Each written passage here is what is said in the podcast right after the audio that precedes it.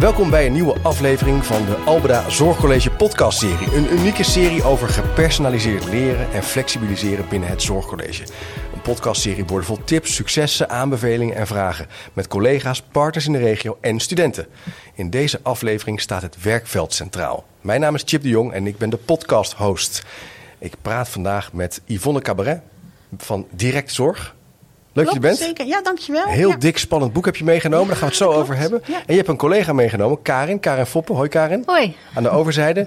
eh leerlingpraktijkopleider. Ja, Zeg ik dat goed? Ja, zeg je goed. Dus ja. in de schoolbanken. ja. leren ja. en werken? Ja, valt niet meer meer op mijn leeftijd, maar we gaan het doen. Nee? Moest even wennen.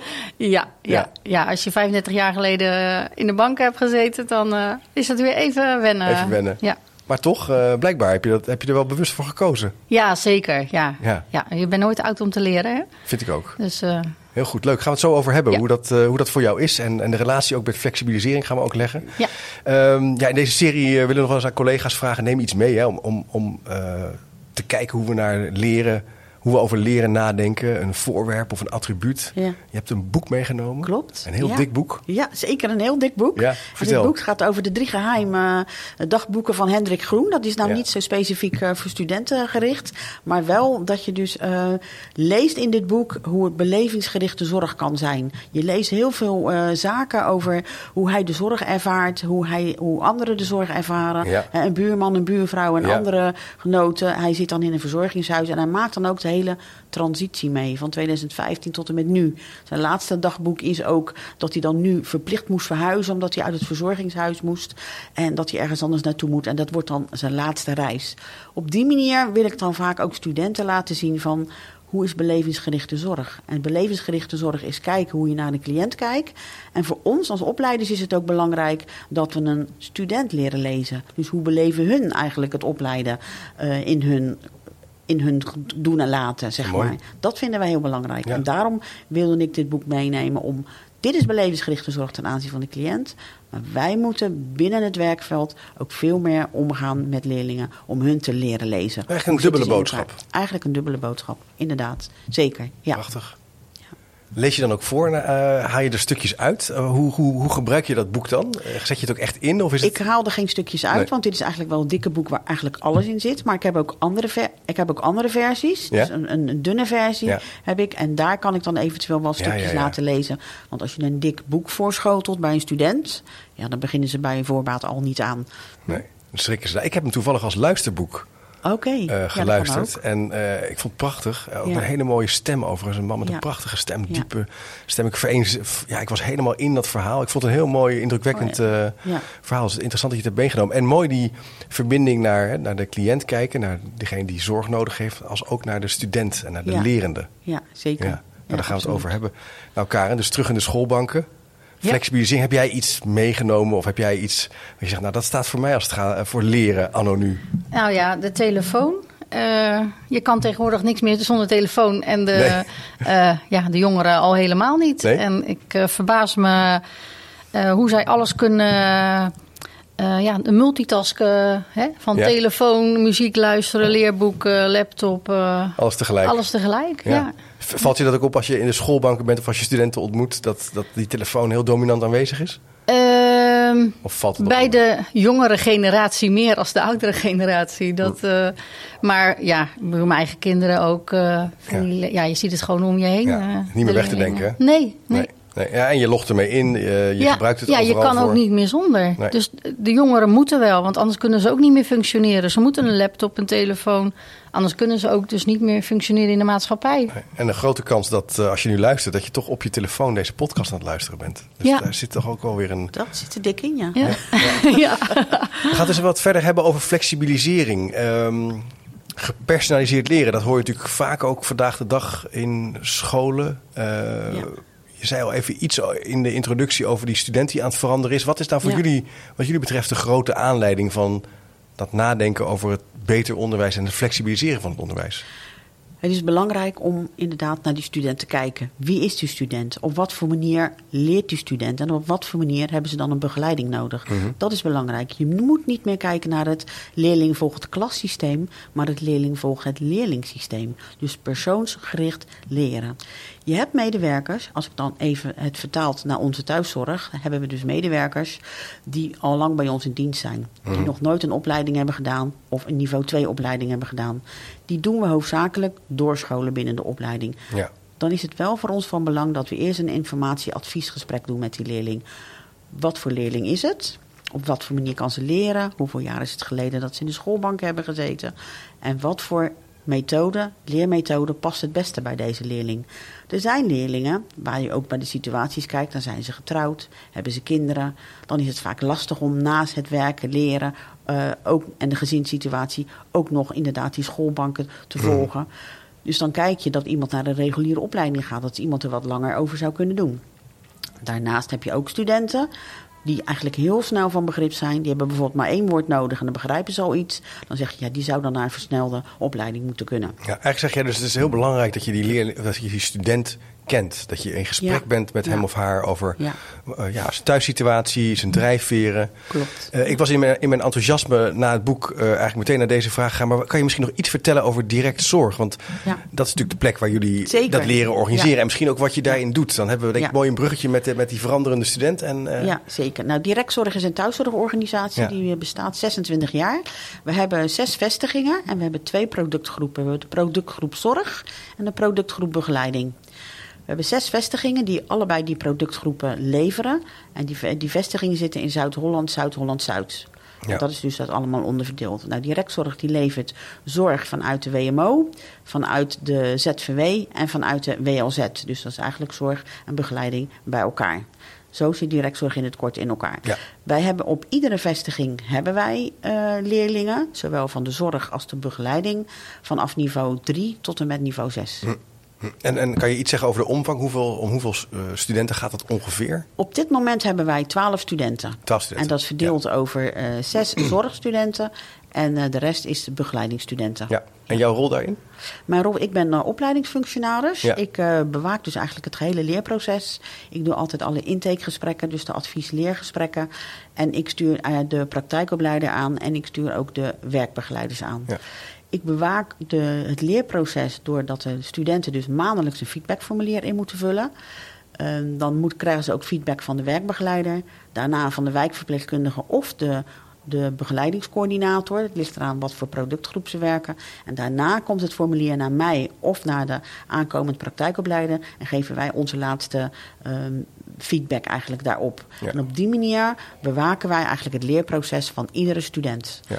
Daarnaast, naast dat invullen van het feedbackformulier maandelijks, krijgen ze één keer in de drie maanden een voortgangsgesprek. Hebben we zelf een formatformulier voor gemaakt met allerlei competenties die ze dan moeten beheersen. En dat formatformulier houdt dus in dat ze in het begin van de opleiding hoeven ze niet alles voldoende te hebben, maar aan het einde van de opleiding moet dan alles op voldoende staan. Dat is eigenlijk een beetje Klinkt heel noten- georganiseerd. in de notendop hoe dat Ja. eh, geregeld is. Ja, dat hebben we op deze manier inderdaad georganiseerd. En we hebben dat ook vastliggen in een eh, regeling van beroepspraktijkvorming. Ja. Daar hebben we alles in die, op die manier hebben we dat ook vastgelegd op papier.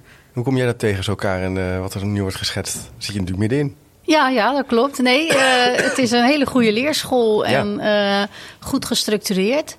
En eh, ja, ik, eh, ik ben blij dat ik daar deel van eh, Ja. uit mag maken en eh, dat allemaal zo mag leren. Ja. Ja. Hoe was dat dan voor jou in het begin? Dat ken je de student leren kennen. Hoe, hoe, hoe, hoe hebben ze dat dan bij jou gedaan? Ik als praktijkopleider. Ja, Ehm, nou ja, wij kennen elkaar al, al een aantal jaren. En ja, in het begin ben ik zelf gevraagd van... wil je werkbegeleider zijn? Wil je... eh, eh, ja, wondaandachtsvelden was ik, bekwaamheidsdeskundige. Ja. Dus ik heb al meerdere gesprekken met Yvonne gehad. Ja. En ehm, ik denk ook dat het belangrijk is dat je eh, moet weten een beetje van, ja, wat, hè, wat is de leerling voor leerling? Eh, wat, wat voor achtergrond heeft ze? Welke rugzakjes draagt ze mee? Ja. Om te kijken van, nou ja, ehm, kijk, een, een student kan wel willen, maar als jij denkt van, nou, die heeft zo'n enorme rugzak, eh, draagt zich met zich mee, is dat nu wel eh, raadzaam. Mhm. Of eh, Mhm. ja, dan kan je er samen een beetje over praten. Ja. En kijken van, nou ja, welke mogelijkheden heden zijn er. Ja.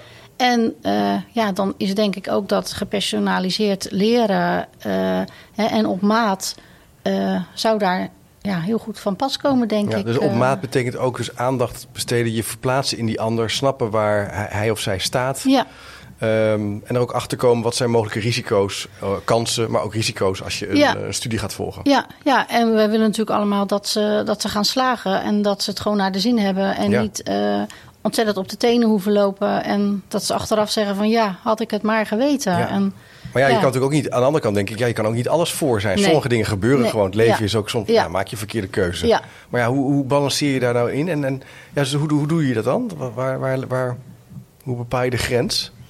Eh, nou ja, die bepaal je samen. En met de zorgmanager bespreek je natuurlijk jouw Ja. eh, gedachten. Ja, En ook met, de met de student zelf. Ja. En eh, ja, het is soms ook natuurlijk een beetje een spiegel voorhouden van herken jij je erin? Dit idee heb ik.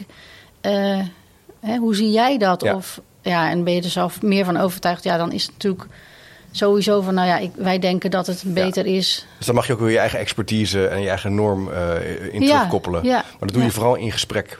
Ja, Ja. interessant. Eh, ik zou eigenlijk graag een eh, stelling aan jullie willen voorleggen. Ehm, het is tijd om meer over de grenzen van onze instellingen heen te durven kijken.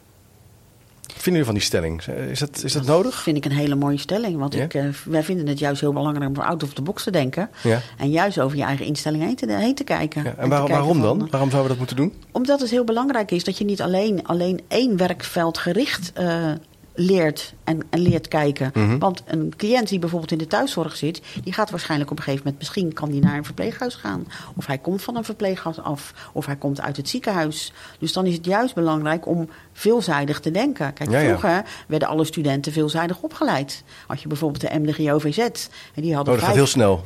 Even eh, de Sorry, had je de MDGOVZ. MTGOVZ. Ja, dat was dus een hele brede opleiding. Ja. Waar je dus op vijf vlakken werd, eh, werd opgeleid. Ja, precies. In de kraam, de zorg, de gezins, ja, zwakzinnigen. Maar dat is nu niet meer. Nu is nu het heel he- specifiek Nu is het heel vaak werkveldgericht. En dat merk je ook heel enorm. Waarom, doen we Waar dan, wij- waarom doen we die meer zoals vroeger dan? Omdat er heel veel behoefte is aan werkveldgericht werken. Omdat mensen ook vaak tegenwoordig kiezen voor een bepaald werkveld. Ja. Want soms ga- gaan ze in een bepaald werkveld werken en dan denken ze, ja, dit is een werkveld, dan, dan zie ik dus dat het niet bij mij past. Nee. Dus dan wil ik specifiek naar de thuiszorg. Waar wij tegenaan lopen als praktijkopleiders, in, in, in dit geval, dat we het jammer vinden dat in opleidingsinstituten heel vaak intramuraal gericht opgeleid wordt. Oh ja. Terwijl dat, eh, je gaat naar de toekomst juist nu. Eh, veel mensen moeten meer thuis blijven wonen. Alles wijkgericht. Dus er moet, zou veel meer vanuit de thuiszorg ook ehm, ja. ingezet moeten worden. En dat is dus extra muraal. Dat betekent Dat is mensen dus blijven thuis wonen, eh, krijgen Ja. zorg Ja. aan huis. Juist. En eigenlijk hoor ik jullie zeggen, daar zouden we meer aandacht aan moeten eh, besteden. Want dat maakt namelijk, als we dat doen, maakt het het, het, het switchen, om het even zo te zeggen, tussen disciplines ook makkelijker. Ja, ja, zeker, zeker. Klopt Absoluut. dat? Ja, zeker. Ja. Ja, Dus vandaar die stelling, daar zijn we het wel mee eens dat dat dus belangrijk zeker is. mee eens. En doen we dat nog niet genoeg dan? Over die grenzen heen. Kijk, organisaties hebben altijd de neiging om een beetje naar binnen te gaan kijken. En heel erg te gaan geloven in hun eigen verhaal. Je moet dat dus constant proberen tegen te gaan. Hè? Ja. En dus, Ja. dus over die grenzen heen te gaan Ja, maar kijken. ik, ik denk, eh, nu kijkende naar tekorten eh zorgmedewerkers, eh, dat wij juist out of the box moeten Ja. denken. Ja. En ook, ja, meer mensen komen thuis, hè, worden thuis verzorgd en verpleegd. Dus ja, we moeten het anders gaan organiseren. Ja.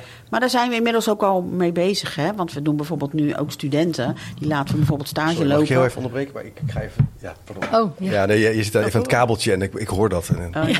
Ik heb me aangeleerd om er meteen er wat van te zeggen. Ja, ja, Anders krijg ik een soort therapeutisch last van. Ja. Maar Ja. eh, dankjewel, dankjewel. Eh zou je je zin even opnieuw, want je zei, we zijn er al mee bezig en toen viel ik in de reden. Klopt, we zijn er eigenlijk al mee bezig, zodat we de studenten eigenlijk stage laten lopen, bijvoorbeeld bij een dagverzorging. Oh, dan ja. doen wij als praktijkopleider aangeven, oké, je moet nu iets doen eh, ten aanzien van de begeleiding. Heb je als meegedacht binnen de wijk, welke cliënten gaan er naar de dagverzorging? Ja. Dus eigenlijk is flexibiliseren ook dus breed kijken. Dus absoluut. Verschillende eh, werelden mee kennis maken, Ja. wel met een specifieke expertise. En je wordt opgeleid voor een bepaalde beroepsgroep, zodat je een leven lang kunt blijven ontwikkelen en ontplooien. Ja, ja. Ja, want je moet tenslotte ook met elkaar samenwerken hè? binnen die werkvelden. Want als bijvoorbeeld een cliënt uit het ziekenhuis komt, krijg je een overdracht mee. En eh, krijg je die overdracht mee en je hebt daar specifieke vragen over, of je moet met elkaar afstemmen, zou je toch met elkaar een stukje Ja. samenwerking aan moeten gaan. Ja. En dat geldt ook als bijvoorbeeld een cliënt naar een dagverzorging gaat, kan je ook met elkaar afstemmen. Want dan moet je ook de belevingswereld weten van die cliënt. Hoe gedraagt die cliënt zich op de dagverzorging? Is dat Ja. anders dan bij ons? Eigenlijk Kunnen we- eh, kunnen we werelden, met elkaar... werelden bij elkaar brengen. Ja, sorry, ik onderbreek je, maar dat is toch een belangrijk punt. Ja, zeker. Absoluut. Verschillende werkwerelden bij elkaar brengen. En op die snijvlakken moet je eigenlijk ook professionaliseren. En als je dat niet doet, dan, dan, dan Ja. slaag je niet in om die tekorten en om die uitdagingen eigenlijk het hoofd eh, te ja, bieden. zeker. Ik wilde ook nog even terugkomen op die methode hè, van die student eigenlijk. Hè. Want wat, wat wij ook belangrijk vinden bij bepaalde studenten... dat we de leerstijlentest van Kolp laten doen. Ja. Zodat je dus kan laten zien van... eh, nou, waar staat de student eigenlijk en waar moet hij eigenlijk naartoe? Mhm. Is het een doener? Is het een beslisser? eh, of een, of een, een, een dromer? Dus dat je daar ook goed naar kan kijken. Als je niet helemaal goed iemand kan lezen... omdat iemand heel teruggetrokken is... en alles naar zichzelf eh, toe houdt... dan is het vaak lastig om dat te ondervinden En waarom doen jullie dat? om te kijken waar iemand staat en wat voor leermethode heeft iemand eventueel nodig. Ja, ja. Waarom Ja. doen we dat ook? Omdat wij heel kritisch zijn in het koppelen aan een werkbegeleider. Want we vinden ook dat er naast een student een passende werkbegeleider Ja, moet zijn. een match. Die- en dat er een match moet zijn, dat er inderdaad op die manier, op de juiste manier begeleid wordt. Als jij weet dat je een student hebt die heel rustig is, relaxed is... en je gaat daar een werkbegeleider naast zetten die heel druk is en wild en van alles verwacht... Ja. dan, gaat, dat, dan gaat het niet werken. Ja. Ja, Nee, maar dan gaat het ook niet werken. ja, dus die werkbegeleider doet ook zo'n leerstijlentest. Ja. Ja. En dan kan je ook kijken van nou, wat is die voor een... Dat is eh, echt een beetje, het, is een beetje, het doet een beetje aan denken aan ja, een soort relatieachtige verkenning. Hè? Het moet wel klikken. Je Ja. moet even, eh, Ja. want je moet een tijdje met elkaar optrekken. Ja. Dus je moet goed weten wat elkaars bijsluiters eh, Ja. zijn. Of iemand extravert is of introvert. Ja. Graag leest of misschien zegt ik heb meer moeite met lezen. Ja. Ehm, zodat je ook een goede match kan maken Ja. tussen die werkbegeleider, die praktijkbegeleider en die, en die Ja. lerende. Ja. Ja. Ja. daarnaast hebben we ook vaste uren vastgesteld. Van dat een eh, werkbegeleiding mag vier uur besteden per maand aan een student. En hoe ze dat zelf invullen, mag de student bepalen. hè, wat is, dat is de aanzien wat de student nodig heeft. Heb je één keer in de week een uur nodig, één keer in de twee weken twee uur. Of ga je één keer in de maand vier uur met elkaar zitten of meelopen. Want dat is ook wel een eis van ons. Dat een werkbegeleider één keer in de zes weken met een leerling meeloopt op de werkvloer. Om te kijken hoe doet ze dat nou in de praktijk. Wat heeft ze de afgelopen maand eh, in de studie geleerd. Ja. Hoe gaat ze het implementeren in de praktijk? En wat voor rol kan ik daarin bieden? Dus met welk doel gaat iemand dan ook meelopen in de praktijk om, eh, om daar verder in te leren? Interessant. En mooi dat jullie dat zo organiseren. Ik wil graag een stelling aan jullie voorleggen. Ja. Om misschien ook een ander onderwerp aan te snijden. Studenten moeten het hele jaar kunnen instromen op het moment dat zij willen. ja, Karen, wat vind je ervan? ja, vind ik een goed plan. Ja? Ja, Hele jaar door? Ja, hoor. Ja. Ja. Zeker. Het hele jaar door. Ja, Ja, absoluut. En we- kijk en we doen dat al bij eh, andere... al? We doen het al bij andere organisaties, andere opleidingsinstituten. Die kunnen dan, je kan je vijf keer per jaar kan je instromen. Vijf keer per jaar al? Ja, en Ja. dat eh, ja, gaat eigenlijk hartstikke goed. Ja? Want dan krijg je dus ook, kom je in een bestaande klas, kom je te zitten. En vaak zijn de studenten misschien dat ze nog maar een maand naar school moeten. En dat kunnen dan ook gelijk maatjes van je worden. Dat ze elkaar ook eh, ondersteunen en dat ze elkaar ook daarbij kunnen helpen. Dus Ik hoor wel nog als kritiek hierop, of kritiek, als, zo van, ja, dat vraagt veel organisatiekracht. We moeten Ja. dan, Ja. ja, moeten we even goed neerzetten. Ja, hoe, ik- hoe kijken jullie daar tegen? Ja, voor ons is dat misschien anders omdat wij niet zo'n grote organisatie zijn. Dus voor ons is het wel te behappen. Maar het vergt wel veel meer tijd en organisatie van je, inderdaad. Dus je moet heel goed kunnen plannen en organiseren. Ja, Ja. ik, ik denk ook van eh, dat de scholen daar erg eh, moeite mee hebben. Ja? Eh, Ah, ja. wat, wat, waar Dat- zouden ze moeite mee hebben dan? Ehm, nou ja, dat hoor ik dan in mijn opleiding ook wel terug. Van eh, ja, de, leer, de leraren moeten dus in een klas verschillende eh, lesstof aan gaan bieden. Ja. En van ja, hoe gaan we dat doen? En dus ook de wat oudere eh, leraren zien daar dan weer tegenop van ja, hoe gaan we dat in het vat gieten? En, eh, Ja, misschien moeten ze het anders organiseren. Hè? Ja, Ja. ja. daar zouden we mee kunnen denken, Ja, toch? ja. ja. Ja, maar, dat, maar goed, het, Dat- het, systeem bestaat gaat een beetje eigenlijk piepen en al. kraken dan, hè? Ja, het, Ja. het systeem bestaat al natuurlijk op de basisschool. Dat je drie leerjaren in één eh, lokaal hebt. Ja, en de gebeurt. jongeren helpen de ouderen weer. In Montessori-achtige eh, ja, onderwijs. Ja, ja. Daar wordt wel van gezegd dat het beter, dat het niet voor alle leerlingen goed werkt. Maar inderdaad, je kan natuurlijk. ehm, je geeft daarmee meer verantwoordelijkheid aan de lerende voor het leerproces. Ja, Hè? Dus ja. even, als we even het Montessori gebruiken, dan het Ja. maken van een planning, het nadenken over welke kennis je tot je moet halen. Ja. Het gebeurt natuurlijk ook al in het MBO en HBO veel, veel Ja. verder dan op een Montessori Ja, school. Ja. Maar je kan, maar de, dus de, de, waar het spannend wordt, is die organiseerbaarheid op, in het onderwijssysteem zelf. Ja. Ik denk het wel. En daar kunnen we denk ik, hè, dat- dat vraagt anders organiseren. En jij zei, Ja. nou, daar willen we best over doordenken. Ja, ja, zeker. Ja, ja. Ja. ja. Leuk, leuk. Waar wordt het nou voor jullie spannend de komende jaren? Als we door gaan zetten op die flexibilisering en die, en, en, en dat, en die, meer, die meer regie op dat leerproces van de student zelf.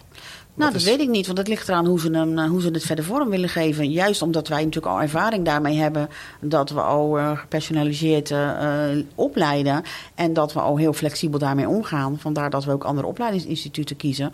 Ja, vraag ik me af of dat voor ons heel erg spannend gaat worden. Hm. Maar we vinden het wel altijd heel leuk en uitdagend om eh, mee te ontwikkelen. Want daar houden wij van, mee Ja. ontwikkelen en, eh, en doorzetten. Ja, Leuk, dus jullie zijn ook heel positief over, merk ik. ja, Ja. absoluut. We Ja. zijn heel positief Ja. daarover. Ja. Ook over de beweging. Van dat gaan we Ja. gewoon. Dat, we zijn het eigenlijk ook aan het Ja. doen, hoor ik. Ja, ja, weet je, de mensheid is natuurlijk ook enorm aan het veranderen. Als je nu natuurlijk naar de studenten kijkt, het soort studenten, eh, die willen ehm, liefst zo laat mogelijk komen op school, zo min mogelijk doen, zo Ja. vroeg mogelijk weg en zoveel mogelijk verdienen.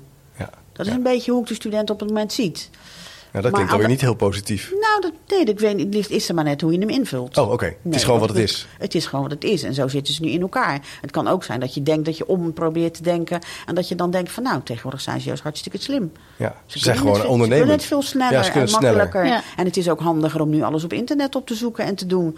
Vroeger konden, moesten we een uur in de bibliotheek in de rij Ja. staan om aan een boek te komen. Te kopiëren, maken. een Ja. kopietje te maken. Weet je, dat kostte ook veel meer tijd. Nu is het ook anders. Dus het Ja, is maar eigenlijk net, zeg jij van, het is is maar een- net hoe je ernaar kijkt. En we leven in een tijd van onbeperkte mogelijkheden. Wat dat kan sneller. precies. Het kan Ja. sneller. En als een leerling aangeeft en je ziet dat hij sneller kan, ja, waarom niet? Ja. Ja. Ik bedoel, ja. Ja, ik heb, er ooit een keer, ik heb ooit een keer een project gedaan bij de spoorwegen over de permanente educatie van boord- en walmedewerkers. Dus dat zijn boordmedewerkers, zijn mensen die op de trein werken. En wal zijn mensen die op station- stations werken. Die moeten elke twee jaar, meen ik, in, in ieder geval, het is al een jaar of tien geleden, moeten ze een permanent verplicht leertraject eh, volgen. Maar daar werd altijd heel erg tegen opgezien. Niemand vond het leuk en eh, nou, ja, lastig. Het moest betekenisvoller worden georganiseerd. We hebben daar toen een, eh, een game van gemaakt. Het idee was, de beste, het beste team kan een soort prijs winnen. En je moet een aantal elementen gewoon met elkaar goed kunnen. Zoals bijvoorbeeld eerste hulp. Je moet goed kunnen omroepen naar een aantal andere activiteiten. Maar een van de thema's die eh, met name heel spannend was... dat we zeiden van, nou, als je nou het gevoel hebt dat je al het kan... Hè, dus het vraagstuk waar je de permanente educatie voor doet... bijvoorbeeld in het vakgebied van de zorg eh, eh, bloeddruk meten... dan mag je meteen examen doen. Dan hoef je niet naar de training. En dat leverde enorm veel eh, tijdsbesparing op. Het was toen in de tijd iets te radicaal. De OR vond dat dan ook heel spannend en zo. Die dacht, Ja. ja. dat moeten we Ja. allemaal niet doen. Maar het idee natuurlijk dat als je lerende bent en kan zeggen... ja, ik beheers dit. Ja. Ik hoef niet die hele dag naar die sessie toe. Want dat gebeurt toch fijn. Laat mij maar meteen het examen doen. Ja. Ja. Eh, is natuurlijk wel interessant. Zeker, maar dat kan natuurlijk ook. Hè? Want de ene student die le- leert natuurlijk sneller dan de andere student. Je Ja. hebt, als je bijvoorbeeld kijkt naar verpleegtechnische handelingen. De een hoeft het maar één keer te zien. En die, die kan gelijk bekwaam gemaakt worden door de bekwaamheidsdeskundige. En de andere moet nog vijf keer mee om te gaan oefenen en, eh, en zich ei- eigen te maken. Dat is helemaal, dat is helemaal niks Dat mis moet mee. kunnen. Dat moet Ja. zeker kunnen. Ja, en dat is wel iets waar we denk ik wel Ja. beter in kunnen worden als, onderwijssysteem. Want dat, geeft, dat, dat, dat leidt natuurlijk tot tijdwinst. Ja. Ja. Ja. Ja. Ja. Leuk. Nog een stelling doen? Ja hoor, is De, goed. de praktijk is de beste leerschool voor elke student. Hoeft niet. Hoeft niet. Nee. Kijk, Nee. meteen, je zegt meteen hoeft niet. Nee, Want? nee. Leg het eens uit. Eh, ja, hoe je zelf al ingesteld bent. Ja. Ik bedoel, ben je praktisch ingesteld of eh, ben je meer theoretisch eh, ingesteld? Ja. Hangt ook weer ervan af hoe je graag leert, waar je plezier aan beleeft. Wat Ja. past bij jouw eigen, Ja. bij wie je bent. Ja, of Een, mix, een mix ervan. Of, Ja. Ja. Ja. Eens? Ja, helemaal mee eens. Zeker. Ja. Ik geef ook wel eens het voorbeeld aan studenten. Dan zitten ze wel eens na te denken over van ja, hoe ga ik dit aanpakken? En dan zeg ik van eh, hoe koop jij een product als je thuis bent? Hoe koop ik een product? Ja, dan krijg je product. Dan kom je thuis, bijvoorbeeld een radio. Pak je eerst het boekje en ga je het eens lezen voordat je het. Of kom je thuis en ga je het gelijk aanzetten. En denk je, ik weet het wel. Ja. Dan weet je ook gelijk of iemand heel praktisch is. Ja. Of dat iemand eerst inderdaad alles gaat onderzoeken en doen. Ja. En ja, die verschil van studenten heb je. En daar moet je rekening mee houden. Ik zit te denken, terwijl we er zo over praten, is eigenlijk is deze stelling dan ook een beetje ouderwets. Want dit impliceert dat er een soort verschil is tussen theorie en praktijk. En eigenlijk zeggen jullie nou, er zit misschien verschil in voorkeur hoe mensen leven. Hè? Meteen Ja. de tv proberen uit, Ja. uit en de ander gaat het Ja. boekje lezen. Maar daar is ook theorie voor nodig. En daar is ook kennis voor nodig. En de ene pakt het op zo'n manier aan en de ander pakt het op zo'n Ja. manier aan. Ja. En wat we eigenlijk zouden Ja. willen is dat dat leersysteem wat we organiseren, dat dat adaptief is om op die voorkeuren eh, het, het professionaliseren vorm te geven. Want dat creëert wendbaarheid tussen die verschillende leefwerelden. ja. Ja. En dat, dat zou mooi zijn. Ja. Ja. Wat, zijn nou, wat is nou de top drie van uitdagingen voor de aankomende tijd. Misschien tot slot, waar, waarvan zeggen ja, dat, dat wordt wel spannend aankomen. Hè? Het Albeda College is hier volop mee bezig. Meerdere ROC's, meerdere instellingen. Jullie zijn hier heel actief mee. Ik denk dat het spannendste is om inderdaad meerdere keren per jaar te starten. Ik denk dat dat het allerspannendste is. Dat is het allerspannendste. Is dat stip op dat nummer denk- één? Dat denk ik wel. Ja, want? Ja. ja. Omdat eh, dat ze daar niet aan willen. Ik- En het spannendste Wie is ze? eh, Wie wil niet... Wie is opleidingsinstituten, of- die- bepaalde die- opleidingsinstituten. ja, die gaan bokken dan. En wat ik ook heel spannend vind, en, maar wel heel belangrijk vind... is dat de studenten eh, niet meer afgeremd gaan worden. Er zijn studenten bijvoorbeeld nu die in de, in de groep zitten... die eigenlijk sneller kunnen, omdat ze Ja. verder willen ontwikkelen en doen. Maar die worden nu tegengehouden, ja, omdat de lesstof er nog niet aan toe is. En de- terwijl dat die mensen juist sneller zouden moeten. Ja. dat vind Mooi. ik ook wel een hele spannende. Ja, dat is een tweede punt. Karin, misschien nog een laatste duit in het zakje? Nee, eigenlijk niet. Nee? Dat zijn, de twee, dat zijn eigenlijk twee punten waarvan je zegt dat, dat, dat gaat de spannende weg. Het eh, afremmen, Ja. het organiseren. Ja, En en, hoe ga je meerdere daar, en hoe ga je daar met elkaar samenwerken? Samenwerken, misschien dat samenwerken. ja. Niet afremmen. Meerdere jaar keren per jaar starten. Ja, dat gaat niet over eh, examineren, maar starten. Want dat Ja. zit met name op de, de, Ja. de instelling van de, eh, van de opleidingen zelf. Interessant. Leuk, nou, als je nu luistert en denkt... hey, ik heb wel een antwoord op een van die top drie uitdagingen... dan moet je je even laten horen. Via de podcast kan je altijd even een reactie achterlaten. Eh, of je even via de website melden. Dan zijn we heel benieuwd naar jouw verhaal. Nog een laatste gedachte over gepersonaliseerd leren? Misschien nog iets? Nou, Nee. vooral doorgaan en eh, Ja. verder ontwikkelen. Ja, dat hoor ik ook. Dat merk ik ook aan dit gesprek. Ja. Doorgaan, doorbouwen, positief blijven. We zijn het al aan het doen. Ja, en absoluut. successen uitbouwen en leren van elkaar. En vooral die studenten te leren lezen. Dat Ja. vind ik het allerbelangrijkste. We verwachten het ook van studenten naar cliënten toe. Maar doe het alsjeblieft ook bij studenten. Want dat verdienen ze. Daarmee sluiten we de podcast af. Hartelijk dank voor jullie eh, betrokkenheid en een mooie verhaal. Als je nu luistert en je wil meer weten, abonneer je even op de podcast. Dan mis je geen aflevering. En ik zou zeggen, tot de volgende.